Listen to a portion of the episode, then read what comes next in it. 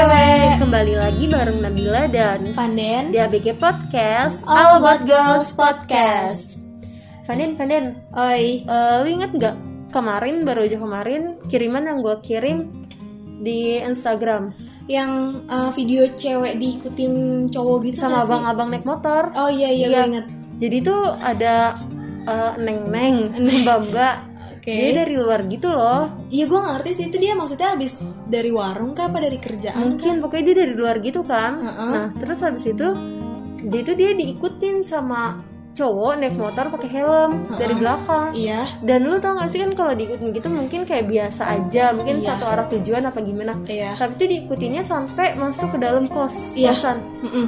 Lu tahu nggak itu? Iya gue ngeliat sampai video Iya, itu kira-kira penyebabnya gimana itu ya? Iya gue juga gak ngerti sih karena keterangan di video itu karena si cowok ini tuh ngerasa pernah ngeliat si cewek ini kan Iya. Tapi menurut gue itu kayak alasan yang gak logis gak sih Masa iya nih gue ketemu sama orang yang mirip sama orang yang pernah gue lihat Terus gue ngikutin sampai kamar kos Iya sampai depan kamar kos. Untung aja kayak eh si cowok ngikutin cewek ini Heeh. kerekam CCTV ya Oke, kan. Jadi ya. ada bukti kan Iya, kalau buat mau ngelaporin.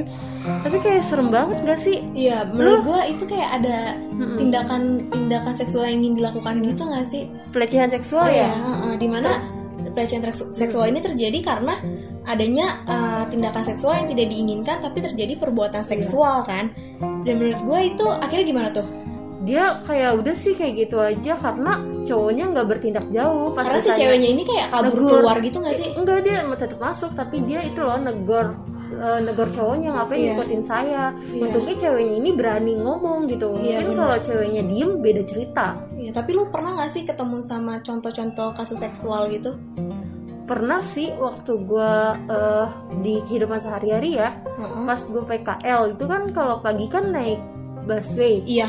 Nah itu banyak tuh kalau misalkan kita nggak di eh, ruangan khusus cewek-cewek gitu kan campur aduk sama laki-laki kan.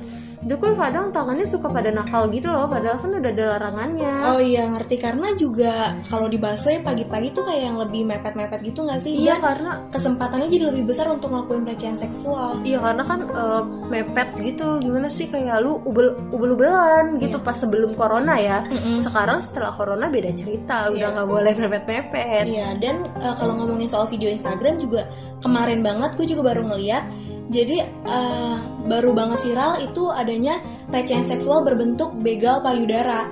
Begal payudara. Iya serius. Jadi, Mm-mm, jadi itu kayak kayak apa ya? Kayak cerita lama yang keungkit kembali lagi gitu loh. Jadi posisinya ini adalah si cewek ini naik sepeda lampu merah dan pengendara motor yang melakukan pelecehan begal payudara ini tuh berhenti juga dong namanya lampu merah kan. Akhirnya si cewek ini maaf diremas payudaranya secara secara tiba-tiba gitu Iya. sampai si ceweknya ini jatuh dari sepedanya. Jatuh. Ah, ah, tapi dan lagi dan lagi kerekam sama CCTV dan Iya. di situ eh, si cowok ini sempat tertangkap karena pengemudi yang lain itu berhenti dan apa ya yang menghabisin si Iya. cowok ini nggak sih Dihajar masa. Ah, dihajar masa akhirnya karena dia melakukan apa ya perbuatan yang Iya, benar-benar itu- tercela banget Iya itu tin- tindakan seksual sih karena apalagi dia melakukannya di depan umum Iya, banget kan. bener-bener kayak gue gue nggak ngerasa gue gimana gue nggak kebayang kalau misalkan gue ada di posisi itu karena si cewek ini tuh sampai harus terjatuh gitu dari sepedanya Itu ceweknya naik sepeda, Iya, cewek cowoknya naik naik sepeda. motor. Mm-mm.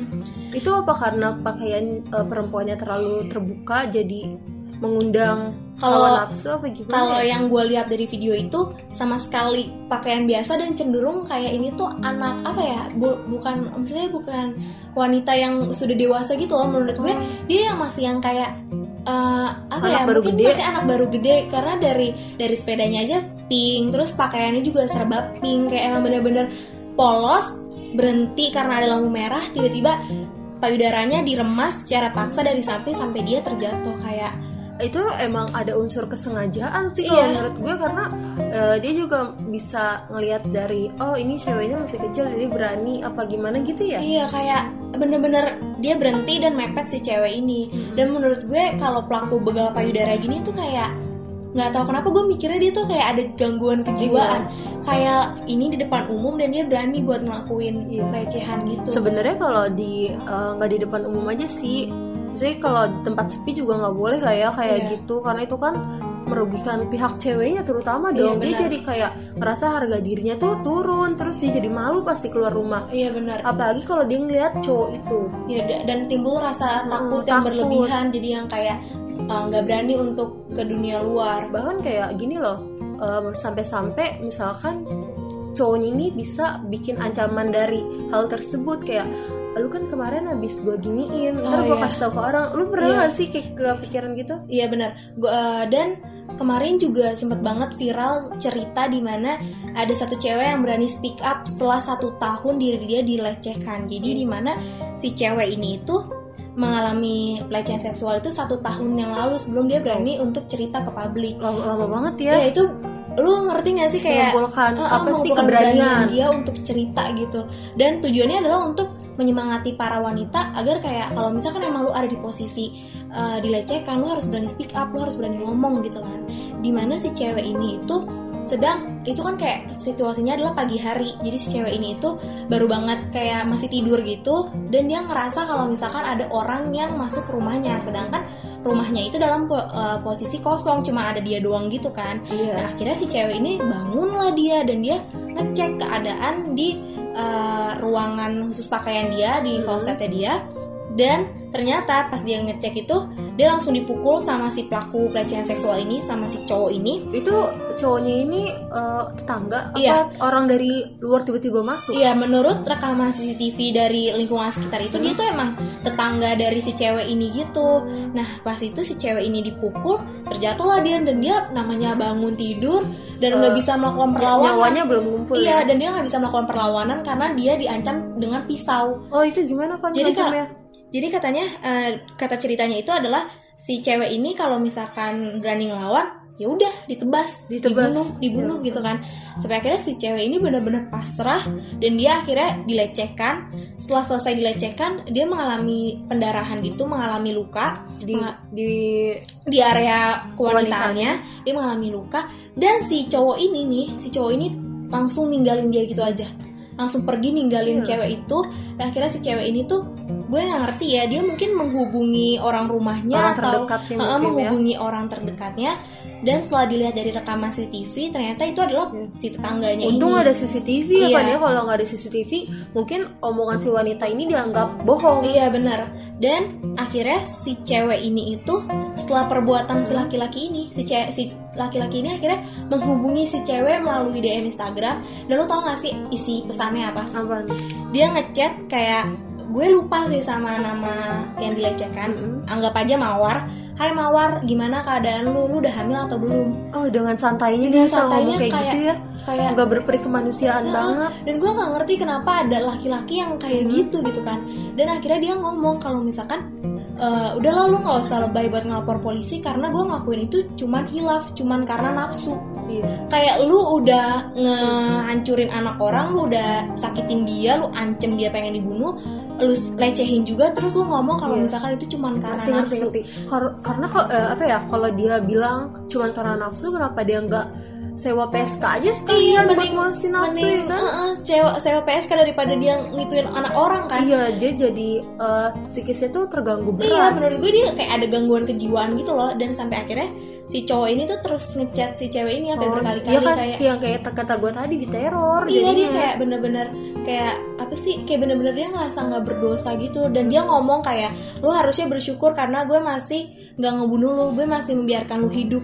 menurut lu kayak secara nggak langsung dia tuh udah ngebunuh jiwa si cewek itu Iya, sih? iya, bener. walaupun si si cewek ini hidup tapi dia harus bener-bener mengumpulkan keberanian dia sampai akhirnya setahun setelah kejadian itu dia baru bisa cerita. Kayak kalau kayak gitu kayak jiwanya kayak mati gitu gak sih tapi sih gue kayak salut pan karena dia tuh berani speak up berani ngomong gitu sampai kayak orang-orang tahu dong nasib dia kayak gini. Walaupun emang dia harus ngelewatin satu tahun lamanya buat berani cerita ya. Iya. Tapi kalau misalkan lu ada nggak sih kisah terdekat lu gitu dari lingkungan lu? Ada ada. Tapi zaman gue dulu kayak masih SMP gitu loh. Kayak SMP atau SD ya jadi tuh dekat rumah gue nih. Tapi Iya. nggak deket banget sih kayak depan gitu. Nah, lingkungannya. Heeh, tapi masih lingkungan yang sama. Mm-mm. jadi tuh ada rumah itu isi cuma bapak-bapak doang bapak-bapak. Nah bapak-bapak ini dia tuh pedofil. Oke berarti suka sama anak-anak kecil? Iya suka sama anak-anak kecil. Jadi tuh karena eh, di lingkungan rumah gue ini banyak anak-anak kecil ya kan? Mau Iya. cewek mau cowok banyak kan? Heeh. nah terus habis itu eh, anak kecilnya ini cewek ternyata tuh sering dipakai gitu sama bapak-bapaknya sering dilecehkan Iya, serna- ternyata sering dilecehkan. Nah, ketahuannya lu tau nggak kenapa kasus ini bisa terbongkar? Heeh, Dan itu kasus tuh? lama tahu ternyata udah lama gitu loh pokoknya. tapi baru bisa baru terungkap. iya, baru bisa terungkap gara-gara nih eh, anak kecilnya ini cewek, dia bilang ke mamanya pas mandi, "Mah, eh, ininya sakit kemaluannya dia gitu sakit katanya." Nah, terus mamanya kayak bingung dong kenapa sakit ya Iya. kan? Masih kecil kenapa sakit gitu ya? Iya. terus eh, nanya nanya nanya ternyata dikasih tahu dikasih tahu juga tuh sama anaknya. Kalau misalkan si Eh, bapak ini iya si pelakunya. bapak ini pelakunya kalian dia pernah di digitu-gituin lah cerita Hmm. anak kecil gue nggak berani ngomongnya ya. Dengan dengan imbalan atau iming-iming apa gitu? Eh, ya, iya dikasih uang jajan dikasih jajan gitu dikasih dikasih uang dikasih jajanan diiming-imingin mainan dan ternyata tuh pas diselidikin kasusnya nggak cuman anak cewek satu doang ini. Ternyata tuh emang banyak yang diginiin.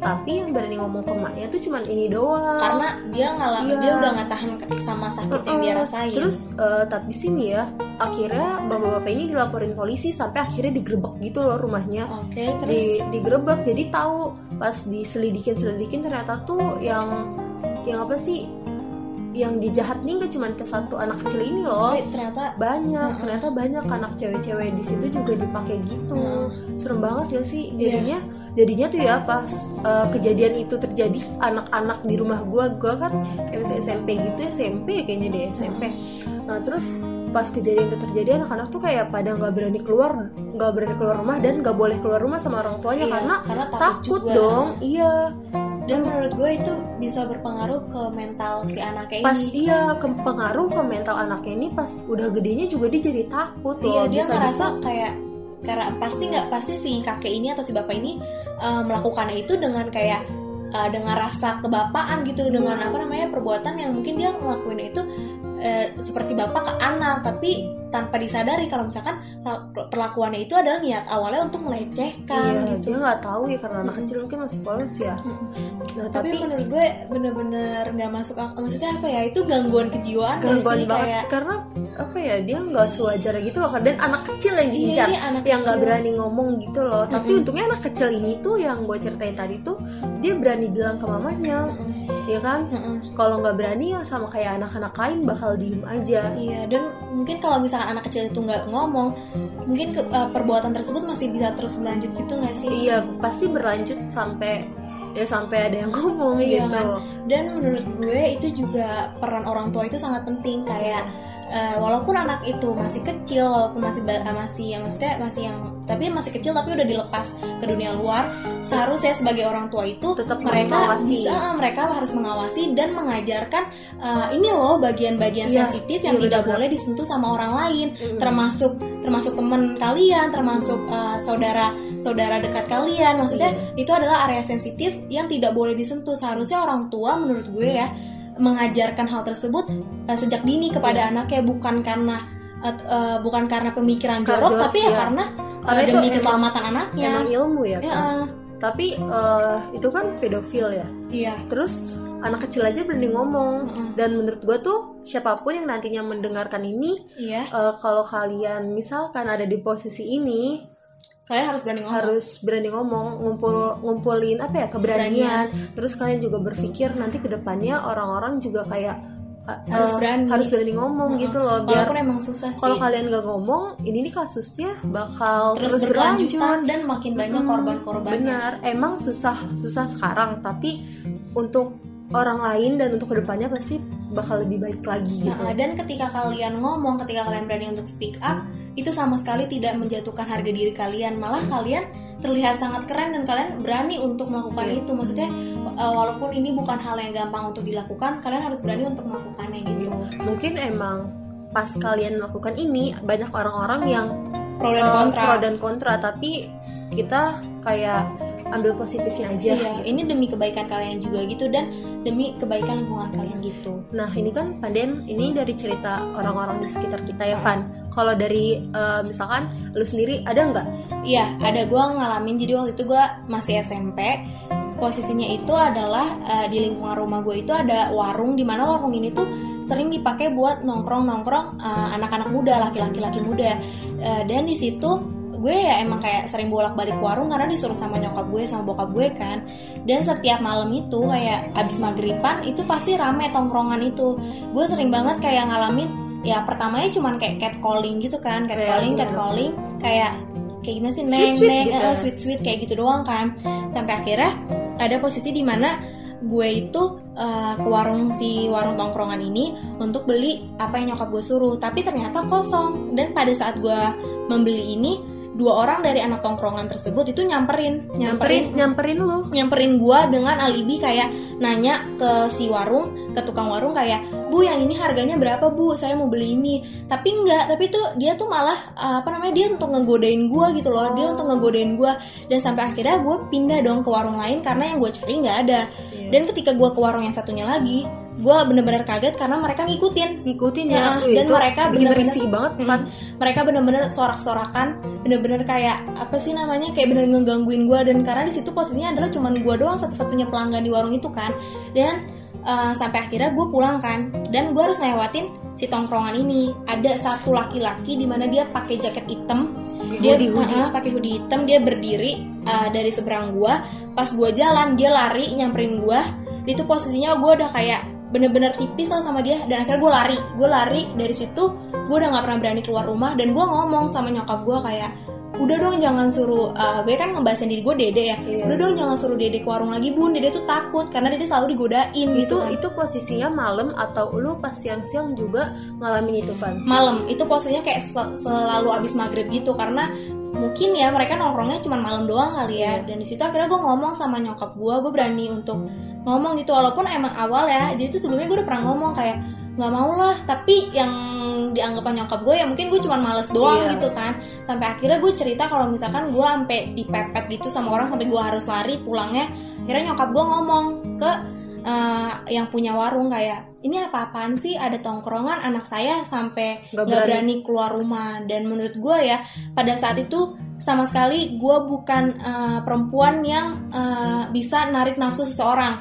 pertama karena gue pakai piyama super sopan piyama anak bocah kayak Piyama. piyama pink gitu Mhm. serba panjang terus juga kayak gue body anak SMP yang sama sekali nggak bikin nafsu orang gitu loh Iya. jadi kayak kalau misalkan dari diri gue dan itu digelap kulit gue juga gelap gue kayak maksudnya gue nggak menonjol di kegelapan Hmm. itu harusnya gue nggak mengalami pelecehan gitu kan tapi ya gitu itu emang karena nafsunya mereka aja gitu loh Iya. apa karena uh, cowok tuh kadang suka ada, ada temennya jadi kayak berani-beranian gitu Iya loh. benar. Tapi menurut gue kayak lu pernah mikir nggak sih kalau misalkan ada laki-laki yang ngedengerin obrolan kita, ini buat laki-laki ya, pernah nggak sih mikir kalau misalkan kalian melakukan catcalling aja nih, misalkan kalian ngegodain cewek, pernah nggak sih mikir kalau misalkan nanti ibu kalian, Adik- pacar kalian, Iya, adik kalian, atau anak kakak ka- anak kalian. Nah, anak kalian yang ada di posisi itu, gimana sih perasaan kalian? Iya. Pastinya kan marah dong, pastinya Iya. terima dong kayak ah gimana ya? Iya.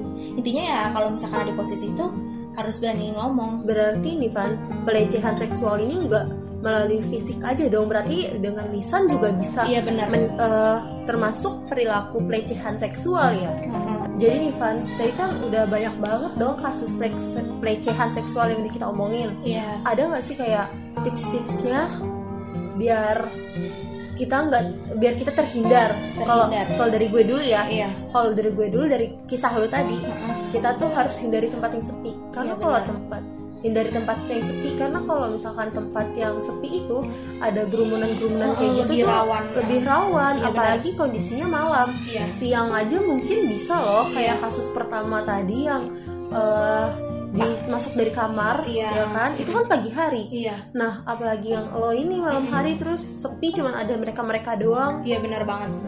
Terus ada lagi nggak pan menurut gue ada sih. Kita harus tetap waspada terhadap lingkungan sekitar. Ya sama yang tadi gue lakuin gue kan tetap kayak eh, apa ya tetap fokus sama lingkungan sekitar gue agar gue kayak gue emang udah ada feeling kalau misalkan gue jelas-jelas bakal digituin kan. Dan akhirnya karena gue sadar sama lingkungan gue memperhatikan lingkungan akhirnya gue bisa lari.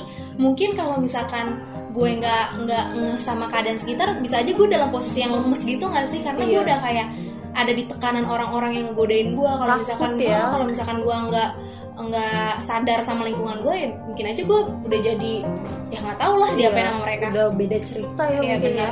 terus kalau menurut gue nih ya mempersenjatai diri untuk meningkatkan pertahanan tuh pertahanan diri tuh penting juga sih. Iya, benar. kayak kayak apa ya? Kayak gue pernah uh, jadi waktu itu gue pertama kali PKL waktu pra- praktek kerja Magang, gua, magang. uh, magang kerennya magang ya Iya. waktu gue pertama kali magang itu gue dapet shift siang dan uh, satu tempat kerjaan gue tuh emang cuma ada tiga orang laki-laki dan satu orang cewek gue jadi tuh gue Iya. cewek sendiri gitu cewek kan sendiri serem ya Uh-uh. dan gue baru kenal kan sama si orang-orang magang ini bukan karena gue suuzon tapi karena untuk mempersenjatai diri gue akhirnya gue bikin semprotan lada Nah, semprotan air lada Heeh, semprotan air lada jadi mungkin perih perih ya Heeh, jadi mungkin buat yang dengerin podcast kita atau lu sendiri nih kalau misalkan Iya. lu berada di tempat yang baru mungkin lu bisa eh, apa ya mempersenjatai diri lu dengan cairan lada itu Iya. jadi gampang sih caranya kayak cuman botol semprot Hmm. botol semprot isi air sama lada sebungkus itu kan Hmm. udah ya paling paling basic lah untuk apa untuk menyelamatkan diri gitu Iya sih, dulu kayak misalkan di pas waktu eh, sampai sekarang sih, kalau mau keluar rumah pasti diingetin kayak bawa ini bawa itu ntar kalau ada orang yang dekat-dekat pukul aja apa Iya, gimana benar. gitu Terus loh sama juga yang rapi diingetin sama orang tua gitu Iya. kan terus ada lagi nggak sih Nap? hindari berpergian dengan orang yang baru dikenal kalau menurut gue oh iya karena kalau lu baru kenal lu belum tahu apa-apa tentang dia terus lu pergi sendirian sama dia takut, doang iya. kalaupun emang harus untuk pergi sama orang yang nggak dikenal misal aja kayak dari aplikasi dating itu kan kita ketemuan sama orang yang kita nggak kenal kan mungkin untuk menghindari hal-hal yang tidak diinginkan bisa aja kita ngajak orang lain untuk ngawasin Iya. uh, perilaku dia ke kita gitu Terus- bukan karena suzon ya Iya bisa itu juga mempersiapkan diri untuk meningkatkan pertahanan yang kayak tadi bawa air Uh, lada. iya benar Ada lagi nggak Van?